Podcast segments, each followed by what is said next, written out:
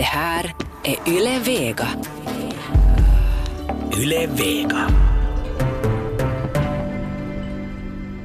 Hej och välkomna till Eftersnack. Det här är programmet där vi är uppe om veckan som gått. I studion har vi Zebran Jeanette Björkqvist. Välkommen med. Tack, tack, tack. Jag träffade en YLE-kollega här på vägen i morse som sa att herregud, du har något annat än grått eller svart på dig. Ja, för du har svartvitt. Ja, och sen utlovar jag det där en sån här chockeffekt där du kommer att svimma när du ser hur färggrann jag är. Men du har inte svimmat ännu. Hoppas du inte gör det under sändningen. Nej, men det flimrar nog framför ögonen. Ja, ja, det är bra. Elli Flen, kommunikationskonsult, är inkallad till Eftersnack som sidekick. Välkommen med. Tack så hjärtligt. Och glad Bayram! Tack. Och vad är det? Det är slutet på Ramadan-kalaset som muslimerna började fira igår kväll. Men nu har vi ju inte där fasta. Nej, jag har men inte... man får väl se- önska kanske glad Bayram ändå. Du får du göra det. Och om någon av våra lyssnare firar. Ja, det är Ja. inte omöjligt. Eller Eid, vad de nu kallar det. Jag heter Magnus Lundén och programmet alltså Eftersnack. Veckan som gått har innehållit mycket extravaganza. Jag tänker nu närmast, jag tänker faktiskt börja med Donald Trump och eh, Nordkorea. Det känns redan som det skulle vara ett par månader sedan eftersom eh, takten är så hår, snabb och hård nu för tiden, Jeanette. Men följde du med hans ganska intressanta presskonferens? Ja, jag satt alltså jätte, jätte, jätte, jättelänge och väntade på att den skulle börja. För Ja. att den, den var ju utlovad till någon tid och det tog helt fruktansvärt lång... Jag tror det var någon timme alltså där innan den på riktigt började. Så Ja. jag satt och tittade på, på, på den här yle.fi och sån här alltså pausbild. Ja. Men han hade inte sovit på 25 timmar, det kom Nej. fram under press, presskonferensen. Där, vad, vad tyckte du om den, den här, hans budskap? Alltså det där, det hade ju gått så bra. Ja. Alltså de är ju, kan man nästan säga att de är vänner nu. ja. Och sen har de bjudit varandra så där tvärs, härs och tvärs till varandra på besök. Och något liknande har aldrig skett i hi- historien, världshistorien Och tidigare. det är helt sant, det var ju alltså historiskt men det där... Ja, innan vi sen går in på riktigt på den här, den här kritiska analysen. Men vi har en militäranalytiker med oss i studion, Elli Flen, det är därför du är här.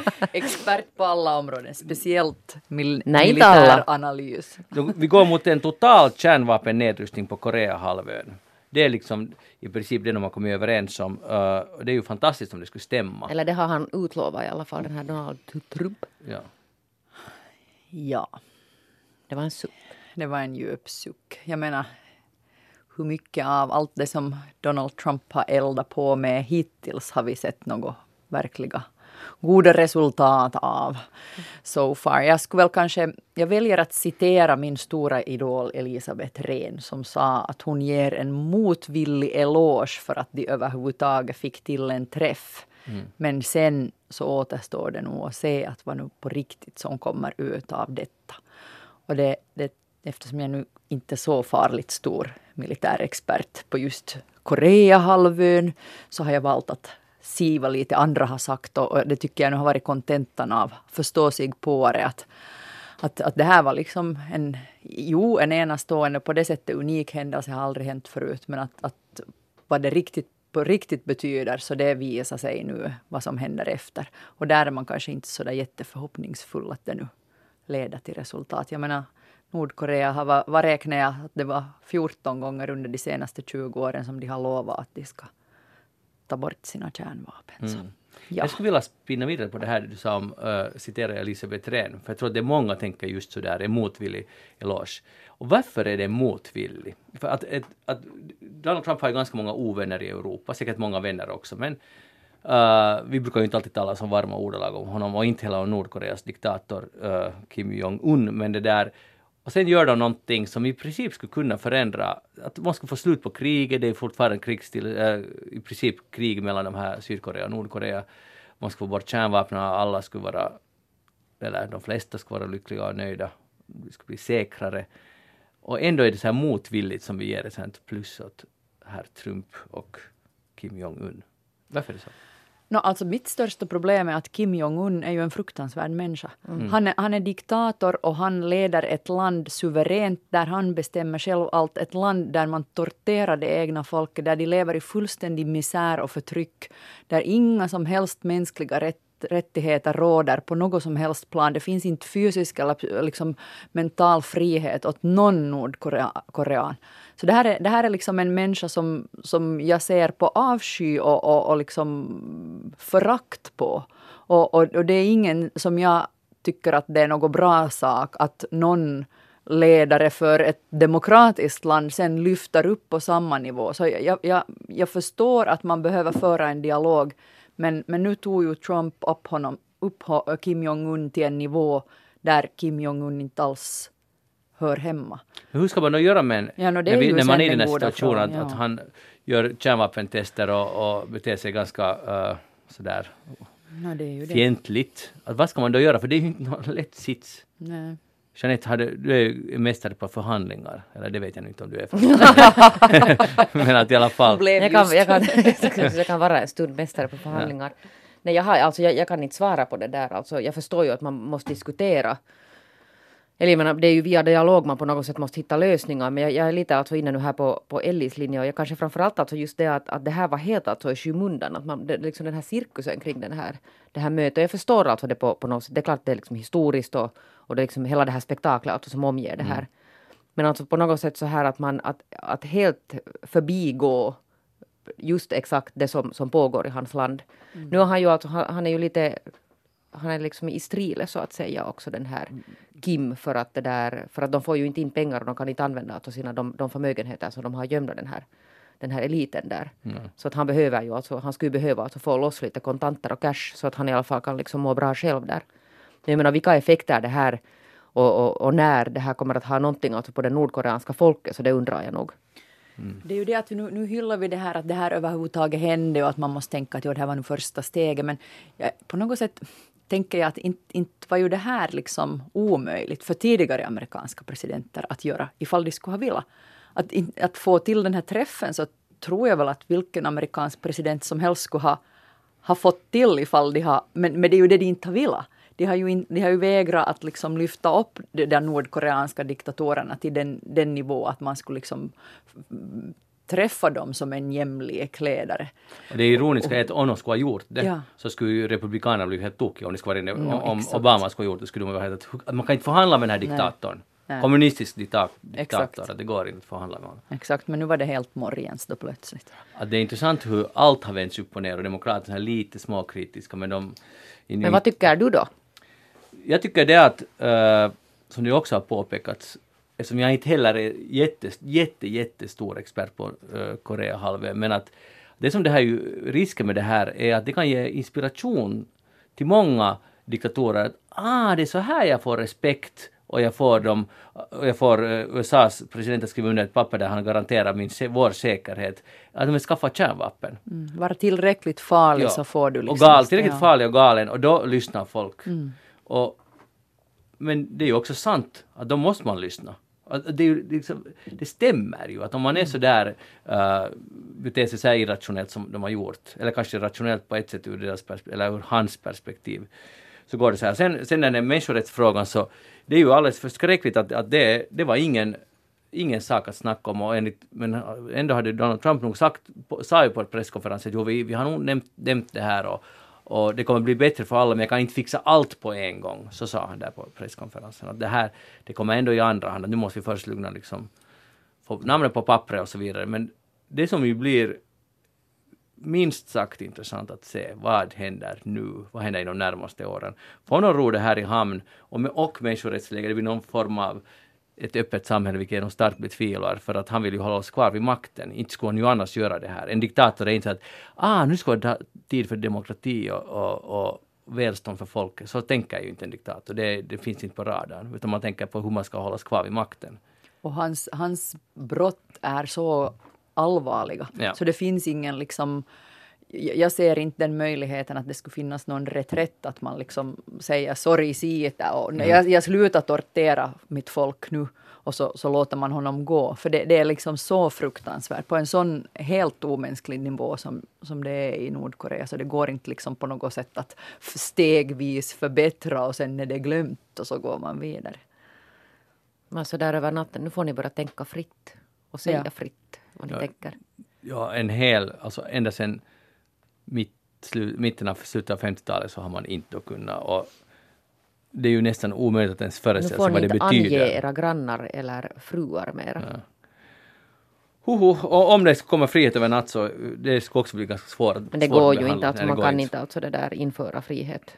Det är liksom ett, ett så kuvat, jag tror att det är liksom den här, hela den här mentala alltså landskapet där är sånt att, att det går inte ens. Men hur ska Över man en komma natt i alla fall. ifrån det? Jag menar, hur- det, det, det, det kunde vi ha ett skilt tema efter snack om. Men liksom, vad är möjligheten? Och jag antar att skulle det finnas fiffiga lösningar så skulle ju någonting ha hänt för länge sedan. Men nu är, nu är det en liksom enorm böld. No, no, centrala hade Europa var ju ganska bra, men de hade så långa traditioner ända från Ja. tidigare. Ja. Och lite har det väl börjat sippra in, alltså att det är ju inte liksom så isolerat som det var för sig något 20 år sedan.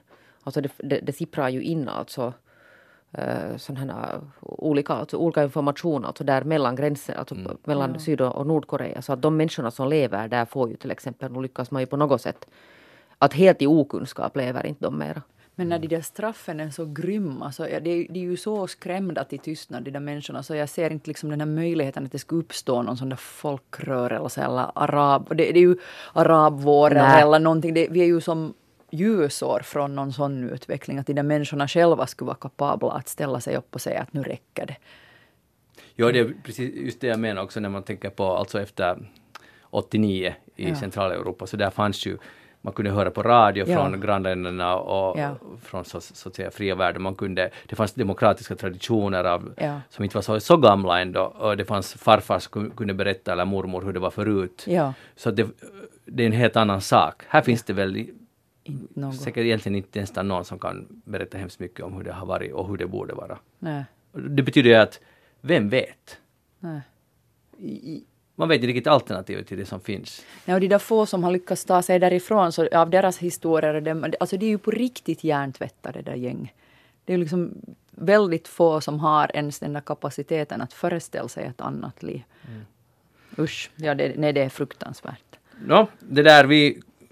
Vi, bäst att inte hålla annan, men att vi hoppas på Alltså man ska få en sån här kombo, kärnvapnen bort, fritt samhälle. Det låter ju nog som en, en sagolik dröm, men vi får hoppas att det är dit det går. I Finland har vi haft ett, inte ett lika stort problem, men ändå en äh, tragiska eller hemsk terrordåd som nu har bekräftats som ett terroristiskt syfte, alltså rent också juridiskt. Uh, vi talar om knivdådarna i Åbo.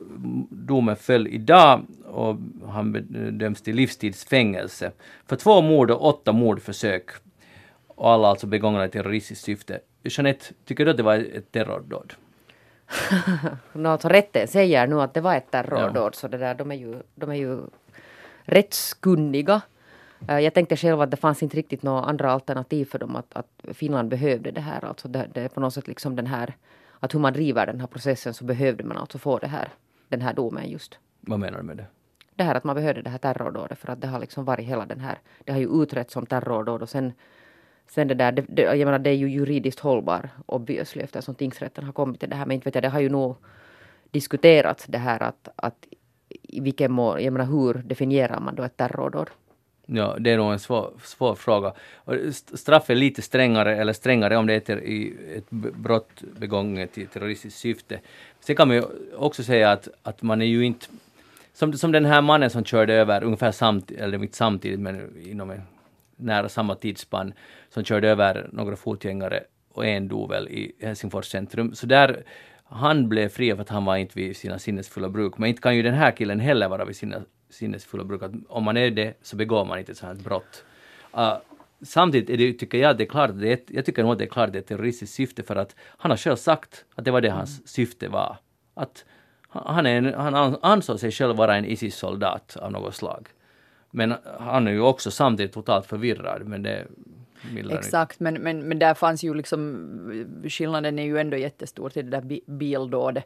För, för här fanns ju alla de där manifesten han hade skrivit in och, och det fanns liksom de där tydliga spåren på, på radikalisering och just att han själv har sagt att, att det var därför han gjorde det. Han gjorde, gjorde det liksom för att sprida skräck och, och för att sprida sitt eget budskap. Så nu, nu går det väl på det sättet att tycker jag det var ganska tydligt också. Att bra, bra att de fick det här och fint att, att rätts, rättsväsendet fick den här processen så här snabbt, ändå så här pass snabbt färdigt.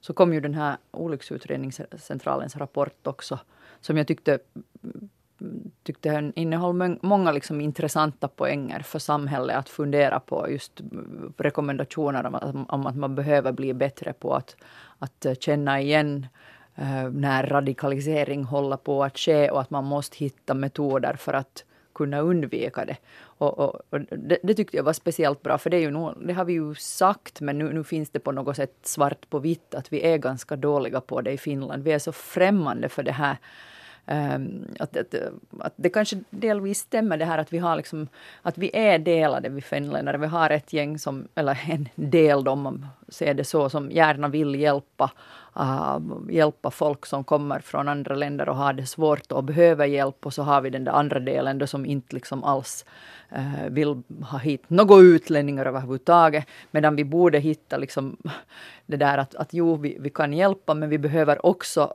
ärligt se att det finns de här riskerna just för radikalisering. Och vad är mekanismerna som får en, en ung människa att, att flippa ur så här fullständigt som man gör någonting så här knäppt. Och det är, vi, vi är inte särskilt bra på det i Finland. Och nu kom det ju ganska tydligt fram att det här måste vi bli bättre på. Att, är, vi måste känna igen också så vi kan förhindra att unga människor som är i Finland av en eller annan orsak, att det ska liksom gå så här för dem. Men hittills hade, uh, eller inte men, utan hittills hade skett ett terrordåd ja. och, och mm, två personer har dödats. Men då, då, borde man ju också bli bättre, självklart bättre på att förutse, förutspå vilka som helst mord och, och, no, det är sant. och människor som är ja. utslagna och, ja. och tappar greppet och flippar. Det finns ju det. ganska mycket sådana Ja, och där, alltså, när man definierar de här terrordåden så det finns ju den här amerikanska den här institutionen som heter någonting med Global Terror, ursäkta att jag inte kommer ihåg det här nu, men de alltså håller på och kartlägger alltså mm. konstant alltså terrordåd i världen och de har ju redan alltså,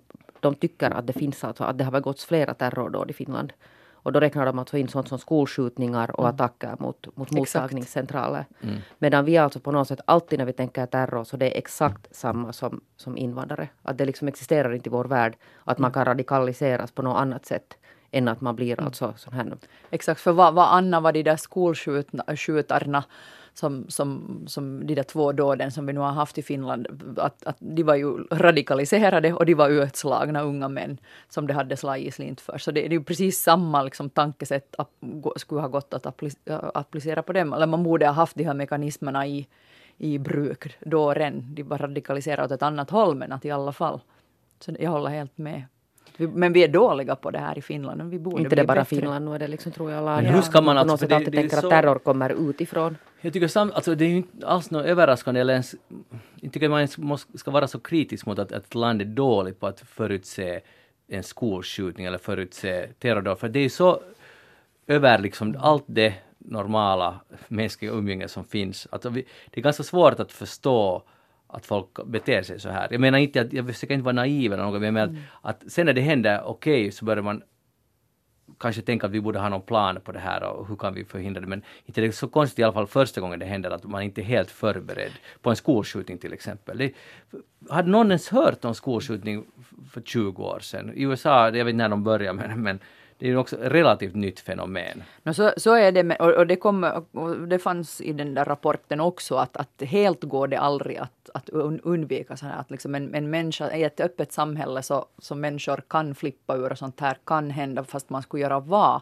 Men samtidigt så var det ju den här unga mannen i, i det här Åbofallet så var ju hade, man hade ju gjort anmälningar om honom. Men det fanns mm. liksom mm. folk i hans närhet som hade sett att nu håller det på att gå illa för den typen. Och det hade inte liksom sen följts upp. Och, och samma gäller ju många av de terrordåden i Europa. Exakt. Att, att det har funnits tips ja. och, och, kanske på grund av resursbrist eller slarv eller kommunikationsmiss som man inte mm. sen kunnat göra, gjort någonting alls. Nej. Att det är helt sant. Sen och det, det ska man komma ihåg att det där, det här, alltså, den här underrättelselagarna som nu ska klappas igenom alltså med rasande takt på grund av det här Åbofallet mm. till exempel, alltså med fart av det här Åbofallet att det här, det här skulle kunna åtgärdas också utan, utan de här underrättelselagarna, de här det här Åbofallet. Om mm. man skulle ha tagit det här på allvar. Och sen, ska, sen, sen det händer ju faktiskt mm. saker. Jag menar det som vi inte kanske så, hör om så ofta, men det skickas ju liksom skyddspolisen får tag på på folk som är i liksom stor risk att göra några dumheter och de liksom utvisas ur landet. Så nu händer det ju också att man, det stoppas sådana ja, här. Ja, man som... stoppar planerade alltså attentat mot universitetet till exempel. Mm. Mm. Det, där, det har sagts, i, eller det sades igår här på, på Yle Vega var det en, en diskussion om det här. Det kan ha varit slag efter tolv. Jag är ledsen, nu vet vilket program jag hörde när jag var i bilen, men i alla fall där, där så sa en terrorexpert, sa hon, hon sa att att man ska komma ihåg att med terrorism har man aldrig, att terrorister har aldrig lyckats uppnå sina mål. Så här historiskt i värld, världshistorien. Och det, det kände jag ganska stark tröst i, att, att det, det går inte. Det, det, måste finns... varit, det måste vara Karin Kreutz och hon sa också det... där att, att de lever alltså också på offentligheten. Det ska man ja. också komma ihåg. Att, att utan alltså publicitet så finns de inte. Nej. Men tänk också på det, och det, det tycker jag att det ganska, känns ganska betryggande. Det har, om det stämmer, det har aldrig lyckats egentligen. Så kan vi vara ganska trygga att de kommer inte lyckas nu heller. Och då kan man också ta bort ganska mycket av den här rädslan, för det är det de vill, rädsla. Mm. Så vi ska börja bete oss helt irrationellt och, och, och inte bara ha ett öppet samhälle och så vidare. Och då har de lyckats. Men att, jag tycker att det var en intressant iakttagelse av Karin Kreutz. Ja. Så det var bra. Det där, eller bra, bra. I Frankrike och Italien grälar nu och EU har den här flyktingkrisen de politiska konsekvenserna håller nu på att eskalera. Uh, Frankrike och Italien skyller, eller anklagar varandra ganska hetska ordalag faktiskt. Och den här båten med, var det nu över 600 asylsökande som är på väg i, inte har den väl varit i sjönöd för den har haft eh, båtar som är, vad heter det, seglar där bredvid och hjälper till men de är på väg nu till, Frank, nej, till Spanien men i alla fall har det nu kommit ut en utredning som visar hur uh, franska gränspolisen har behandlat barn. De har till exempel skurit bort deras fot, alltså skosulor så de inte kunnat liksom vandra allt för långa sträckor. De har tagit, skickat iväg eh, en ung flicka eller ung kvinna med sin, vad var det, 40 dagar gamla baby och måste gå en lång, lång, alltså flera, flera alltså kilometer längs en grusväg tillbaka ut ur landet, ditåt ska du gå. Och det, alltså, men det finns massa, det, det här är inte detaljerad information, men massa sådana här fall om hur man behandlar enskilda människor vid gränsen och, gör, och ändrar deras ID-papper Alltså ändrar så att de är över 18 så att de kan utvisas direkt och så vidare. Och så vidare. Så Europa håller lite på att tappa greppet, här är mycket som händer. Jeanette, har du några goda råd nu till, till hur det här Italiens och Frankrikes gräl för de anklagar varandra för hyckleri. Ja men det där, jag skulle nu inbegripa hela, hela halva EU i det här hyckleriet, mm. alltså gällande just de här frågorna. Mm. Faktiskt. Mm. Och den här alltså båten, den är ju alltså, det är ju fruktansvärt alltså det här när de seglade omkring där och inte visste vart de skulle fara. Och sen var det väl visst, nu vet jag inte hur det gick men det, det skulle ju komma någon hård storm mm. med någon sån här fyra meters vågor. Nu vet jag inte hur det riktigt har gått med det här.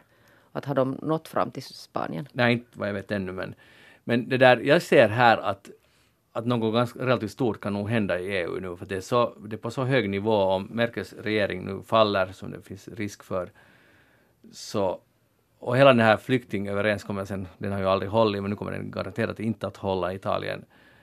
Så jag, jag, jag har lite svårt att, att, segla där och försöka se vad kommer att hända med EU. Eller har du någon... Tror du att, tror du att EU nu, att det kommer allt att förändras ganska radikalt när gällande just den här flyktingintagningen och så vidare? Och jag önskar att jag skulle ha några smarta tankar. Men, men, men om, om du Jeanette menar med hyckleri i Europa det där att vi, vi, vi sitter här och tittar på det här. Ja. Men, men tänk om de skulle komma över vår östgräns, de här ja. flyktingarna, istället för att komma över Medelhavet. Då skulle vi minsann skrika efter hjälp. Och nu är vi, sitter vi och visslar och tittar åt, åt annat håll. Och, och säger att lösningen måste hittas jo. där i Italien. Att ja. de måste bli effektivare med sina system. Eller Grekland till exempel. Ja, och, och det här och har du, vi sagt alltså i, i åratal. Exakt, och Dublinfördraget, de, de kom först dit. Vi har inte något med det här att göra. Och så skickar vi dit folk härifrån. Det, det är liksom helt puckot. Så, så, så den här liksom europeiska solidariteten så bara finns ju inte, utan man var, vi, vi väljer att tolka det så att det liksom, vi inte behöver reda upp någonting. Ja. men jag tycker att det, det är, ganska bra här... där att vi ska komma ihåg det här för att Finland är till exempel mm. ett land där det skulle kunna hända det någonting så att det, skulle komma, att det skulle vara vi som får plötsligt det var ju så Ryssland gjorde, de plötsligt öppnade gränsen mm. och vi kan ingenting göra. Ja. Det var ju ett politisk påtryckning. Det är Putins specialitet och Turkiets specialitet att, mm. att syssla så här. Det, det, här är något de gör. Så att eh, den dag Putin vill någonting till Finland så öppnar han gränserna igen. Det, så gick det ju tidigare. Men det, det är intressant att det är så där genomskinligt att vi bara visslar nu och jag menar med Nordeuropa. Och, och det, det, är klart att det kommer en politisk konsekvens av det i Italien. Att vad ska de, det är klart att folk går till valurnorna och röstar, de känner sig totalt otrygga mm. där. Och, och så kan man kritisera det, tänka att de röstar på de här populistiska partierna men det är inte det så överraskande. Nej. Nej, alltså jag var redan 2011 i Grekland, det var då kort efter att den här Europa, vad heter det, människorättsdomstolen tillfälligt hade alltså frusit den här Dublinkonventionen, alltså tillämpande gentemot Grekland för att det, det, var så dåligt skick det här Grekland, alltså hela deras system hade kraschat på grund av mm. de här människorna som, som anlände dit då. Det var då alltså rutten gick till Grekland. Så man fick inte tillämpa alltså Dublinkonventionen. Det här var 2011 och det var liksom då hade det redan eskalerat så mycket den här situationen att Grekland alltså i princip alltså gick på knäna. Och samma sak alltså har gällt Italien hela tiden och ingenting har hänt här. Så har man bara suttit här, ja men de måste väl fixa det. Jag tror att Finland har skickat väl ner några sådana här filtar. No, filtar jo, vilket också, jag menar filtar är bra, men sen också någon sån här experthjälp som ska berätta åt dem att hur kan man, hur kan man ordna det här. Så, men vad vet Finland om det här, liksom, om, om vi knappt klarar av själva den här 2015, så hur tror vi att vi har någonting alltså att berätta? Det är liksom enorma alltså kvantiteter annat som vi talar om de här sydeuropeiska länderna, bara för att de råkar ligga där. Mm. Ja, precis. Men Finland är ju ändå en av de få länder som har uppfyllt det här Absolut, och det har vi ju varit alltså jättebra på. Det har vi ju ja. faktiskt alltså gjort. Så att någonting har också Nordeuropa gjort, eller ganska mycket säkert. Ja, Sverige har ju alltså tagit emot nog på ett helt annat sätt här längs med. Det är sant. Hej, uh, nu ska vi tala om uh, ett helt annan sak, men som, som medierna svämmar över det här. Jag har varit den här veckan i både Sverige och Danmark och i tre olika tidningar finns det artiklar om befria oss från våra skärmar. Här har jag äh, Dagens Industri och Dagens Nyheter och danska politiken. Och, och det, går liksom, det börjar gå på övervarv nu och, och att det helt enkelt är en enorm hälsofara. Och vi har talat om det här många gånger tidigare. Men här, här alltså Fåfäng kamp mot nya tidens ohälsa, skriver äh, Dagens Industri. Palo Alto, nej Andreas Cervenka skriver det om, om att äh, man ska inte förvänta sig att Apple och de här bolagen, fast de nu sätter in en app för att begränsa användningen av andra appar och så vidare. Man ska inte, de vill göra pengar, det kommer aldrig att funka så att de, det är liksom Alko försöker sälja mindre sprit, men det är ändå därifrån pengarna ska komma, att det kommer inte att funka. Och i den här, i Dagens Nyheter skri, skriver hon befria oss från våra skärmar. Vi, be, vi, vi beter oss som påtända pundare allihop, sådana som lovar och svär att vi kan sluta när som helst samtidigt som vi fortsätt, fortsätter att scrolla genom någon väns eller grannes hundbilder. Vi minns inte längre hur vi hamnade här, vems hund är det här ens? Vi är sådana som bär magväskan vi förut hatade som en trendig ryggsäck uh, för det, har, för det har någon cool 17-åring sagt åt oss att göra. Vi googlar på hur man blir inf influencer, käkar glutenfritt och tar en selfie på gymmet, något vi hatar när andra gör det. Här är vi, så höga på sockret att politiker måste rösta igenom inte bara mobilförbud i bilen utan också för fotgängare. Annars kliver vi ut framför bilar och annat som kan döda oss medan vi är försjunkna i filterinställningarna. Och så vidare och så vidare. Jeanette, känner du igen det? Det här var alltså Evelyn Schreiber som är ledarskribent på Nej, vet du jag håller inte alls på så mycket med de där selfierna faktiskt. Aha, men annars, så du känner inte alls igen det? Jag har den där magväskan heller. Och, och, och, i Dagens Industri listar de massa alltså hälso, att det helt enkelt håller på att gå åt pipan plus att de ger publicerar statistik som vi nu kan visa åt er här. Antal gånger per vecka som tonåringarna går ut utan sina föräldrar. Alltså går ut och träffar kompisar. Och så här inprickat när iPhonen kom. Hur det liksom rasar ner om vi nu tolkar det här så att folk slutar umgås. Andel som ofta känner sig utanför eller ensamma. iPhone kommer in, kurvan skjuter i, i höjden. Andel av 17 till 18-åringar som kör bil, jag vet inte vad det här för samman, men man är ute och fixar någonting, har också rasat min. Andel som någon går ut på dejt, kurvan rasar neråt. Uh, andel som sover mindre än sju timmar de flesta nätterna, kurvan rakt, först jämnt men sen eh, no, eh, några år efter att iPhone kom skjuter den rakt uppåt, den här kurvan. Så alltså det är en hälsofråga, Elli Flen. Eller är det eller är det inte? Varför har jag på känn att vi har, den här diskussionen har vi fört några etapper. Men vet ni vad? No. Jag har hittat en, en dellösning till det här. Har du? Ja, eller egentligen så hittade jag en Kodin Kuvalehti mm. av alla tidningar. En finsk, jag är inte alls överraskad. finsk mm. fenomenal damtidning så hade ha, serverar på, på nätet eh, en sån här lista med eh, Facebook-uppdateringar färdigskrivna som man kan copy-pasta in i Facebook och, uh, under semestern. Så behöver man inte sitta och hitta på dem själv. och, och, och, och, jag skulle ta det här ännu steget längre och sätta, det går ju i Facebook att sätta på timer så, så att mm. det publiceras. Schemalägga. Ja, så man sätter in det liksom, några av de här, man behöver bara översätta dem till svenska nu då ifall man inte väljer att kommunicera på finska. För här finns såna här liksom trevliga eh, uppdateringar ska man ha till exempel, här kommer en, min favorit. mm, sista arbetsdagen före semestern. Barnen hade överraskat mig med att laga middag, älgsoppa. Vilka sötisar, hjärta. Ja, du menar sådär att man kan liksom att man och så behöver man alltså inte gå in där på den här Facebook då? Nej, då kan då kan man ta ledigt från Men Facebook då, då man tajmar in hela, Men hela, det där fungerar med sådana här men se, trevliga... du vet ni varför det där inte fungerar? Det fungerar Nej. inte därför för att det där att man aldrig gör det rakt ut i luften utan hela idén med det här är ju att man ska få någonting tillbaka. Du sätter ut den här och sen sitter du där och tittar att vem likar, vem kommenterar, hur liksom, vilket genomslag har den här. Det är ju liksom det som hela det här beroendet bygger på. Du har rätt, men det här, men det här är kanske, har, jag tror att det här ligger mycket i det vad du säger Jeanette, men jag tror att det här är för någon som vill ha insett sitt beroende och vill bli fri men ändå inte vill släppa den här världen, liksom hålla alla andra kvar där i det beroendet. Så då kan man sköta det på det här sättet, man får båda världarna förstår ni. Att det, man måste bort, man inser att jag måste sluta med den här drogen. Och sen efter semestern går man då och kollar liksom att hur gick det Sen nu? Vilket man. genomslag hade mina? Ja, hur gick det? Men det här kan vara ett bra sån här övergångsfas. Att, att schemalägga sina privata. Jag har aldrig hört om den här metoden tidigare, det är ganska Jag intressant. tror ju på den här alltså hårda, alltså känner man att det är ett problem eller oberoende kanske man inte känner att det är ett problem, men så lägger man bort den där och så bara låter man bli den i två veckor. Ja, men och det här är ju det, för det här ser jag också i den här in, intervju, eller det här var intervju med någon Apple-chef eller någon som sa att hans fru sa att nu ska du vara utan telefon i en vecka och han blev rasande. Att det är klart jag, klart jag kan vara utan det. Så blev han, var han helt tokig eller jättearg några dagar och sen kom lugnet och så vidare. Och det här är ju det där testet, också med ens barn och med sig själv, att kan man, man ta bort det om, om de blir arga. Alltså om man blir frustrerad och arg så då är man ju beroende. Att Det vet ju det, alla. är, det är ett symptom på att man inte klarar sig Men utan det vet väl alla föräldrar att man kan installera på sina barns och ungdomars telefoner en sån här vakt som stänger av det här. Att man kan alltså sitta där med ett, bakom ett hemligt lösenord och begränsa deras tid till exempel till 20 minuter per dag. Jo, jo, men och sen går alltså vad? telefonen i lås. Jo, men Och sen så måste de till exempel göra en uppgift för att få upp det liksom 10 minuter till. Gå efter vatten till brunnen. Ja, och det är liksom om du sitter där och så ofta det, det går inte för att de är så pisa. Men så då, då är det liksom du som förälder som har gjort Ja. någonting. Men vet du vad? Att, jag, jag tycker att vi måste sluta tala om de här barnen. För det är alltid alla snackar att barnen, barnen, barnen. Man, börjar, man måste Och börja jo, med och vuxna. själv, jo, men man kan ju sätta det där åt sig själv också. Alltså be sådär vet du kors. Så där Mm. din gubbe sätter åt, åt mig och jag sätter åt min gubbe. Eller, Eller, sen bara sätter man bort den här telefonen. eller, ja, det är ju bara en manik. Alltså, det måste ju gå. Om vi tänker på mänskligheten att leva, hur länge har vi levat utan den här maniken? Pocketboken kom här för 50 år sedan, men, men liksom före det.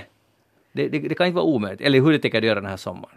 No, ja, kanske jag applicerar Kodin Kuvalehtis system. Nej, jag, jag, jag, jag känner inte själv att jag är beroende, men jag tycker nog att på det sättet har vi nog ansvar över, över barnen för att de, de, de har ju inte liksom den här förmågan att, att kontrollera sig själv. Jag menar, vi måste också se efter att de tvättar tänderna och att de, de har på sig långkalsonger när det är kallt ute. Så likadant är det ju vårt ansvar att, att se till att de lär sig ett sunt sätt att använda mm, teknologin. Och föregå med gott exempel. Ja, jag, jag kan berätta, jag ska genast bekänna alltså hur det Ja. har gått sådär. För att mitt, min dotter har alltså en datordag per vecka. Då får hon titta alltså på, på, på en iPad. Och det där så kan jag sitta sen efter två timmar så att nu måste jag lägga bort den där. Sitter själv alltså kanske med en eller till och med två skärmar och gör någonting då jätteviktigt. Och sitter alltså och stirrar i skärmen och säger att nu måste du sluta, nu måste du lägga bort, nu måste du göra något annat. Säger Jeanette försjunken bakom skärmen. Ja, och Ditt sen, face brukar, är ett blått och sen brukar hon säga att det där med mamma du ska också sätta bort jag, men det är annat när man är vuxen. Att man Nej, behöver ju föregå med gott exempel också. Och sen att det är skillnad på vad man använder det till också. Att va, men det är ju skillnad om man liksom spelar ett, ett pedagogiskt spel där man lär sig engelska ord eller om man tittar på något, hur man monterar en bomb på Youtube. Det är ganska stor skillnad. Ja. det, det, det, kan, det, det kan tror jag ju att alla säga. kan hålla med om. Det som är ledsamt... Detta är båda saker som min åttaåring har gjort på datorn. Så. Okej. ja. Men de har den här militära ser du, den där approachen där hemma. Ja, ja. Den där bomb och bomben, det var, någon, liksom, det var ju för sig någon sån här slimebomb. Men... Men det börjar någonstans. Ja. Men det som är ledsamt nog i, i den här debatten är ju att det blir, det blir ju som, det behandlas då som en drog, att allt som är på en skärm är av ondo. Och det är också jätteledsamt för att tänka hur mycket bra det finns där. Att det, att man, det blir så allmänt um, Hysteri. hysteri och att man predikar att skärmarna bort, skärmarna bort, utan man tänker att det finns ganska stor skillnad, så som ni sa båda, vad, vad man gör där på skärmen. Precis som när boktryckarkonsten kom Mm. så var det de som hotade med att nu kommer ju alla människor att läsa vad strunt som helst. Ja, det är ju skillnad vad man trycker också. Precis. Just det. Jeanette Björkqvist, vad har du tänkt på den här veckan? No, jag har måste lite nu, på, på sätt och vis tematiskt tillbaka till den här Italien-Frankrike-diskussionen därför att jag har tänkt på, jag var igår alltså det där för att amuse myself på ett sånt här info som Migrationsverket och inrikesministeriet ordnar. För att det där, den som nu lite har följt med min rapportering vet att jag har ägnat alldeles för mycket tid de senaste två åren åt att gräva lite i den här Migrationsverkets eh, verksamhet om man nu säger så. Och det där, eh, då måste jag ju säga alltså med den, den reserveringen att, att i princip är det alltså så att man kan tycka vad man vill om asylpolitik men om vi nu betänker att det här är alltså ett, ett, ett statligt verk, alltså vi tar det som liksom vilket som helst annat verk. Och hur de har alltså det där agerat då. Och då vet vi alla att det kom jättemånga, i, i- jag menar i fin, finländska mått mätt då 2015 och sen började jättemycket gå åt pipan och det här har jag då grävt massor. Jag har fått ut alltså dokument och rapportera om det här i en massa olika publikationer.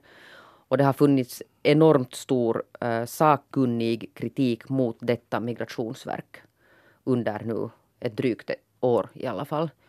Och sen har vi då haft de här inrikesministrarna som sagt att ingenting har gått fel, allt har gått rätt till och Migrationsverket som sagt samma sak att absolut ingenting har gått fel.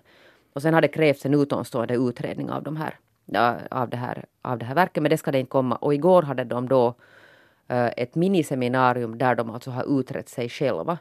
Och det här är alltså ganska på något sätt symptomatiskt för, för hela den här, den här, alltså det här statliga verket. Är att de, de alltså utreder sig själva. Alltså det finns egentligen ingen som har alltså någon insyn. Att det är en sån här jätteautosluten bubbla. Och, det där, och då gick jag dit så där i spänd förväntan att vad man de nu riktigt har kommit fram till då. Och det där tänkte att de kanske nu skulle första gången någonsin medge att det kan hända att någonting gick snett där i brådskan.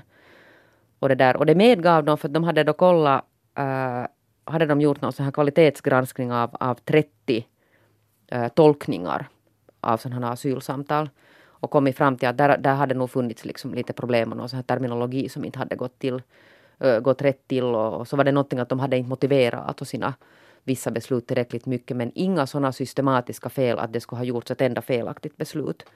Och då bara tänkte jag att okej, att här är vi. Att det är liksom otroligt frustrerande alltså har varit att följa med det här. Och då hade vi alltså, vi hade Amnesty där, där var UNHCR, där var alltså flyktingrådgivningen och diskrimineringsombudsmannen som alla alltså i turordning, det är inte några små alltså organisationer, stod och försökte säga att det är jättebra att ni gjorde det här men det räcker inte alltså. De, Vad är det som inte räcker? Att att då räcker det inte att de har undersökt sig, sig jag menar, själva? de har ju alltså, det var ju inte ens liksom någon kvalitativ undersökning av sig Ja. själva utan det var liksom ett, ett sånt här jätteutskrap som var gjort i, på sån här nolltidtabell. Och, och det här liksom på något sätt, jag vet inte liksom att, att hur långt skulle man kunna komma om de bara helt enkelt skulle säga vi medger att det har begåtts fel. Och till exempel alltså vidta åtgärder. Det är ju massor av de här människorna som har fått nega, negativa beslut som har lämnat in alltså nya ansökningar. Att man ens skulle ta dem på allvar.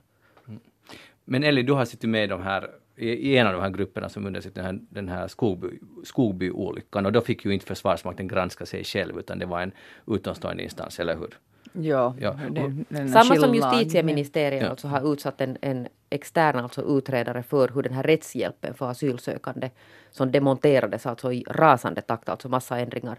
Och de har alltså en extern utredning på gång. Varför borde det inte alltid vara så att den utomstående liksom granskar någonting? Alltså, Och- ja, ja, ja, alltså det där Skogby, det var, det var ju en olycksutredning. Men, men, Ja. men ja, jag håller ju med att, att eh, och, och man, man blir ju frestad att tänka att är det för att det gäller nu asylsökande som vi tillåter en lägre standard. Att skulle, det, skulle det vara en ELY-central eller något Kela eller någon som skulle hela, det skulle vara så här starka misstankar om att det sker fel och det skulle överklagas besluten så här mycket som man överklagar asylbeslut. Så då skulle ju någon slå näven i bordet att nu får det ju bli skärpning och då skulle det tillsättas just någon sån här utomstående utredning. Jag tycker i och för sig så är det ju bra att Migrationsverket gjorde ens det här. Och nu ska ju varje verk och varje myndighet också utöva självrannsakan. Men, men jag, jag håller ju med Jeanette att det borde ju definitivt också göras en en utomstående. För att, för att här är ju, och jag tycker att ändå fast de, de säger att det inte påverkar beslutet, men nu var det ju ganska allvarliga saker som kom fram även i den här lilla,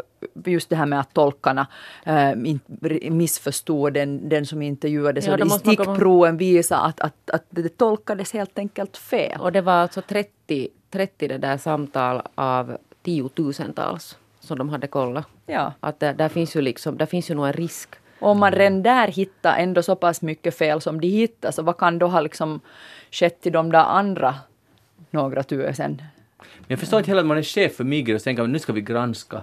Ja, kanske vi granskar oss själva, att det räcker nog. Att, att man inte ens på den nivån kan se men man är säkert feg. Nej, men, men man, att... man inte liksom säger att nu, nu ska vi se om den här kritiken är berättigad eller inte. Vi, men vi sätter den Man kan inte bara belasta alltså Migrationsverket. För Nej, men någon ju, måste ju vara ansvarig. Men det är ju inrikesministeriet, alltså okay. det lyder ju alltså under inrikesministeriet. Ja. Och det var ju han som beslöt nu när det böt inrikesminister att, att vi gör nu den här men alltså han vill ju inte heller ha den här externa. Jag tänkte att om de är så jätte jättesäkra, om liksom allting verkligen nu är så som de har sagt nu i två och ett halvt år, att där har inte begåtts något fel, allt har gått rätt till, allt är kvalitativt så ge alltså det där, ge ut sådana här asylbeslut och liksom allt det tillhörande materialet till någon sån här oberoende forskargrupp. Mm. Alltså bara ge det och låt dem granska.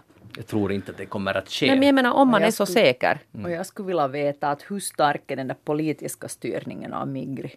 För det kan ju inte vara en liksom bara coincidence att det nu råkar skärpas så här mycket när vi liksom fick då Sannfinländarna i regeringen. Nej men det är ju bara att läsa det här invandringspolitiska programmet mm. som är mm. skrivet av Jussi halla som alltså fortfarande är gällande. Det är ju inte alltså någon, alltså om man läser det så, så kan man nog liksom lite också förstå att, att det har inte varit hemskt lätt för Migrationsverket Nej, och det är, ju, det, är ju, det är ju bara i sig chockerande. För tänk om det skulle vara så med Kela. Ja. Att det var, vart efter, FPA. Ja, förlåt, FPA, ja. Mm. Vart efter liksom regeringen byter så by, får du ditt utkomststöd. Ja, okej, det kan vara så, men det är ju betydligt på något sätt större processer och krävs lagändringar och helt... Men, men här har på något sätt linjen ändra, eller åtminstone jag får den känslan och det påtar mig ganska starkt. Att om, om en, en politisk åsikt kan, som inverka på ändå saker som gäller mänskliga rättigheter och människors eh, genom internationell rätt givna rätt till asyl i, i de fall de är berättigade till det. Och, så det tycker jag är allvarligt. Allvarligt sannerligen. Elli Flen, vad, vad, har du tänkt på den här veckan? Eh, no, jag har följt en, en, en, eh, en mediaskandal. Oj som jag tyckte var lite spännande. Eh, på, på finska hade den gått under namnet Pöllögate. Ah. Uh, Uggelgate. Magnus ser... Ja, ja, ja. det här har jag missat. Har du jag är så nyfiken. Pöllögate? Ja. No, nu, nu liksom, om jag ska försöka berätta historien kort så började det med att, att äh, det började röra sig på, på Twitter och, och andra sociala medier en sån här bild på en, en stack stackars liten uggelunge som satt på en stubbe vid, äh, mitt i ett kalhygge.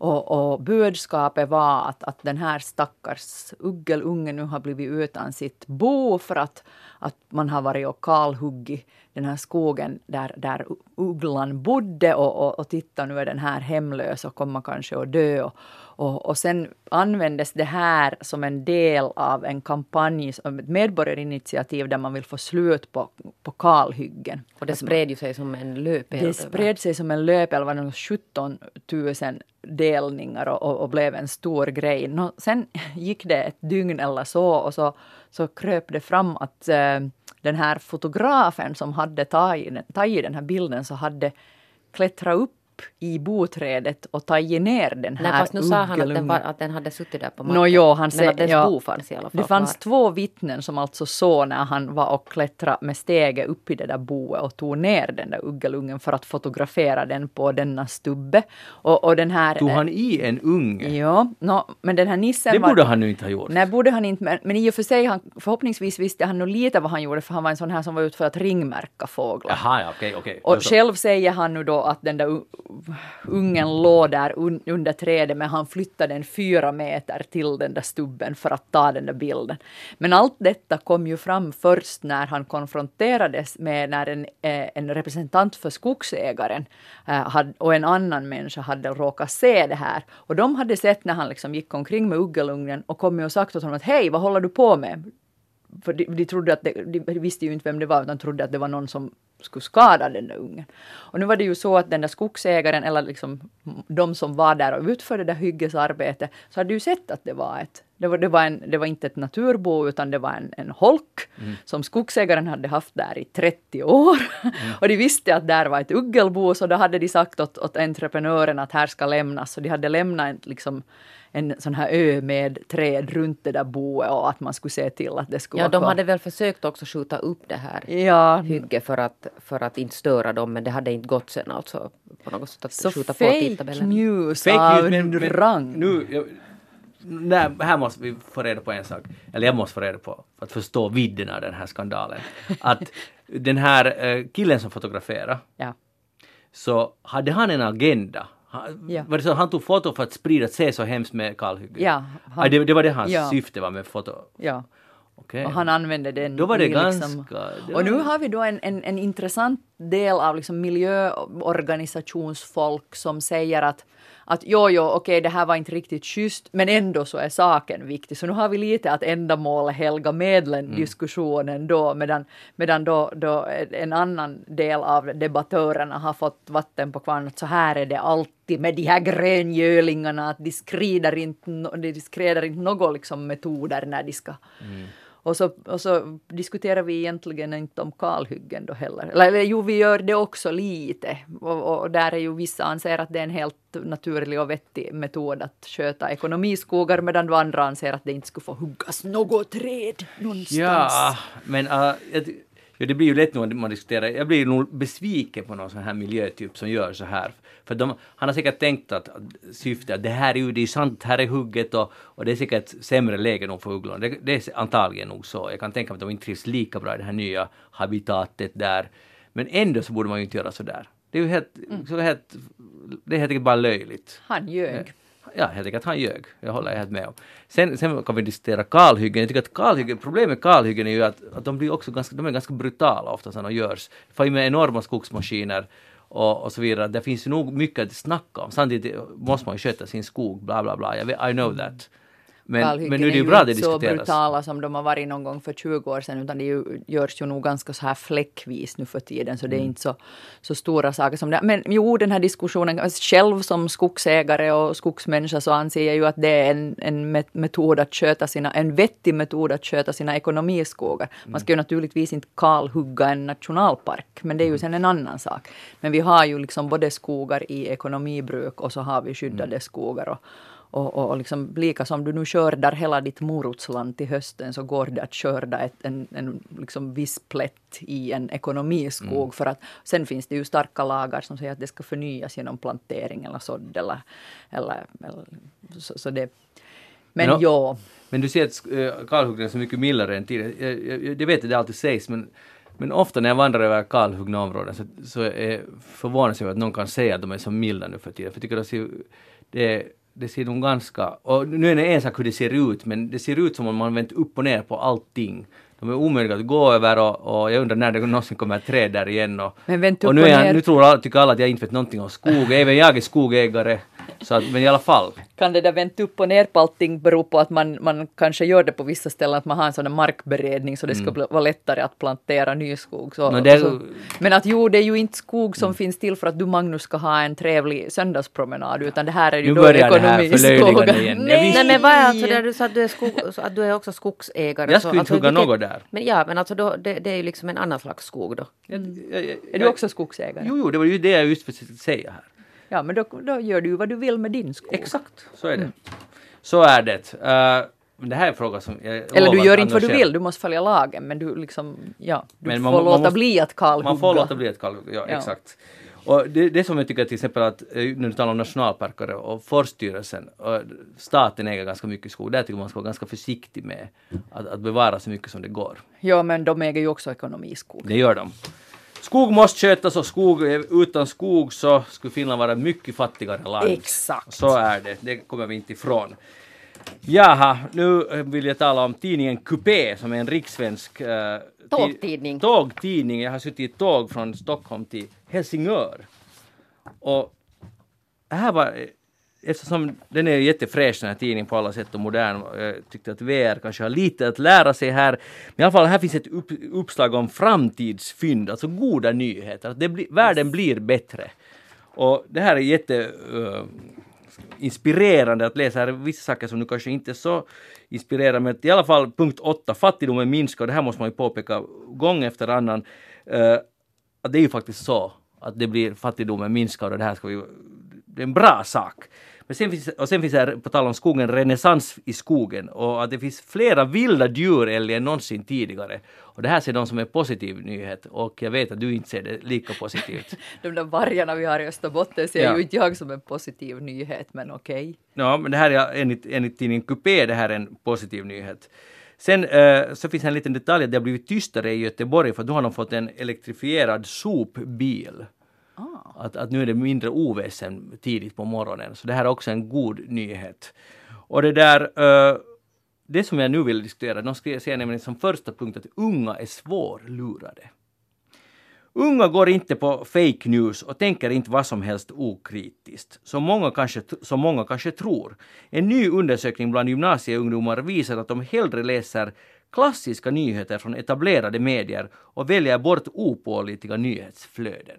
Jeanette, det är ju fantastiskt om det här är sant. Det är jättegoda nyheter. O, en kritisk ungdom, det är det som man alltid önskar av nästa generation. Tänk om de skulle vara lite kritiska och inte så här okritiska. Och här står nu svart på vitt i tidningen Coupé att de är kritiska. Mer kritiska än, än nuvarande generation tydligen. Eller stämmer det här? No, men jag tycker det låter som alldeles fantastiskt och, och det har vi ju sett i vårt land också den här veckan när vi har den här rättegången mot den här MV-Lehti och MV-Lehti gick i graven och, och liksom först var den pop och sen förlorade den sin popularitet och, och, och, och sen kom ju den här BBCs undersökning också som visar att finländare faktiskt styr sig till etablerade medier i, i krissituationer till exempel så vill vi just läsa från, från de här, det var Yle och det var Hesari som var i toppen där, att det är därifrån vi, vi på något sätt vill ha de viktiga nyheterna när det verkligen krisar till sig. Och det är bra. Och det är vi faktiskt liksom i, i Finland sticker ut i EU-perspektiv där också, att vi finländare mer än andra EU-länder så söker sig just till etablerade medier i krissituationer för att hitta den där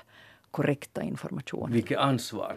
Och jag, för att um, stämma in i den här lovsången till de yngre medborgarna i landet, så när jag var då, jag var då i Helsingör och hälsade på min son som studerar där ett halvt år. Och nästan det första, när han kom gående med hörlurar i öronen. Okej, så det, jag frågade vad, vad lyssnar på? Ja, jag lyssnar på Slag efter tolv. Och jag blev att, att vad sa du?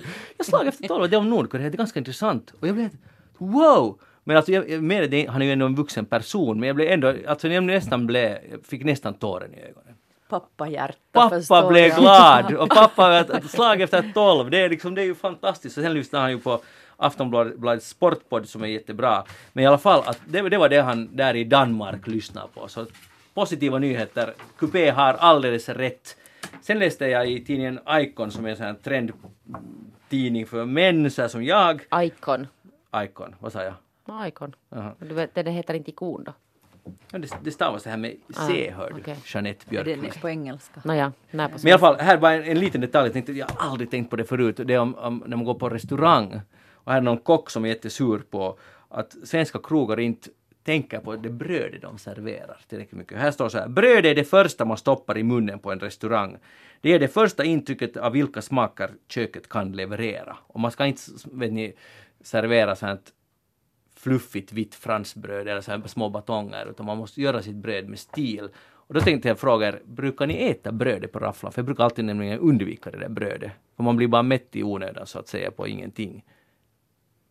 Tystnad. Beroende på hur hungrig man är. Är man Ja. hungrig så tömmer man det där brödfatet. Exakt. Och så sen, man, ja, men sen orkar man inte äta sin mat. Det är ja, det just det. man Det som man har beställt för att komma dit för att njuta av. Men, men det är klart det att man vill ha gott bröd. Är det liksom, ser man det, det är nybakat, det är varmt och det, liksom, det syns att det är, nu vill man ju smaka på deras bröd. Ofta är det ju gott om det är någon sorts klass på restaurangen. Exakt, och jag tror att det här nu är ett, alltså kockhörnan i eftersnackstips till alla restauranger. För att det kommer nu direkt ihåg några ställen där har just haft så att säga hembakat bröd som har lite någon kryddor i, så blir man ju helt lycklig av att det här är nog en krog med stil. Och tänk så där billigt, eller så där lätt går det. Men inte det nu lätt. Nej. Det ska bakas och det där brödet. Ska baka. Jeanette, har du någonsin varit krögare? Om jag har varit krögare. Jag tänkte bara, Alltså det där, det där, de som umgås mycket med mig och nära med mig vet att jag är precis lämpad. Alltså är det någon som borde bli krögare så är det ju så jag. det du ja. Jag, är ju, alltså jag, skulle kunna, jag skulle kunna heta Grynost, den här min restaurang. Där serverar vi grynost Och kvark. och kvarg. Ja. Hör du, eh, för när man går på, med, på, när man går på restaurang med dig så det, det frapperande att har du någonsin ätit upp din portion? Nej. Nej, just det. Men det, vad är det för slöseri? Men vet du vad? vet du, jag, alltså det är nu bara så, vet du, om man är mätt så ska man inte proppa i sig mera. Det är nu liksom min livsfilosofi. Ja. Alltså, jag tror att Jeanette tycker att portionerna är för stora. Jo. Just det. Men, men det är lite så här nästan anemiskt att gå på restaurang med Jeanette för att själv tar man, eller man tar en vanlig portion och äter den och Men jag tycker att det borde finnas alltså alternativ för sådana som inte är så stora i maten. Ja, du skulle kunna, men kan du inte säga att kan jag få en halv portion? Jo, men så det brukar inte gå. Beställ en förrätt bara. Och det brukar jag göra ibland. Okej, sist en skräckhistoria. Så vi, vi ska inte avsluta för, på för positiva noter, utan jag läste om en kille som var och tittade på fotboll med sina kompisar och så tog han en banan från en fruktskål. Och så blev han biten av någonting. Och så fick han lite bett och tänkte inte så mycket på det. Så började han må jättekonstigt, få hem, fick extremt hög feber. 43 grader, han var eh, det året den killen som hade haft högsta feber och överlevde, eller var det någonsin, det här var alltså i England. Han hade blivit biten av en spindel och hela hans arm blev svart. Bara Jeanette, jag tänkte att, du ville vara, måste Titta. vara medveten om sånt här. Titta sig för innan man sticker fingrarna i fruktskålen. Ja, och det är en fara som hotar oss alla. Men var var det här alltså? Det här var i England och den här spindeln hade kommit från USA och ingen vet hur det är möjligt. Men så här gick det till. Men han överlevde. Ät inhemska grönsaker, tomater från Närpes. Och hoppas att inte, någon att inte grannen har hört transportera in någon amerikansk spindel som Nästa har rymt. veckas fredag har vi eftersnacks midsommarspecial med Retsina och det blir alldeles fantastiskt för vi har Johan Fagerud och Pia-Maria Lehtola. Och jag har en känsla av att de kommer att synka ganska bra tillsammans. Vi får se hur det låter. Det är alltså nästa fredag. Sen kommer vi ha nattsnack den 20 juli från 22.15 till 02. Då, kära lyssnare, ska ni ringa in och antasta oss med olika frågor och kommentarer om livet i sommar Svensk-Finland. Och så startar säsongen 20 startar den 23 augusti på Konstens natt då vi har en specialsändning av Eftersnack som inte sänds utan den är därför special utan den är bara där på Lilla Teatern alltså. Jeanette Björkqvist, tack för att du var med här idag. Elli Flen, tack för att du var med här. Jag heter Magnus Lundén. Ni får gärna gå in på facebook.com eftersnack och tycka till eller e-posta oss på eftersnack yle.fi. Nu önskar jag er alla en, en riktigt trevlig skön helg. Hej då! you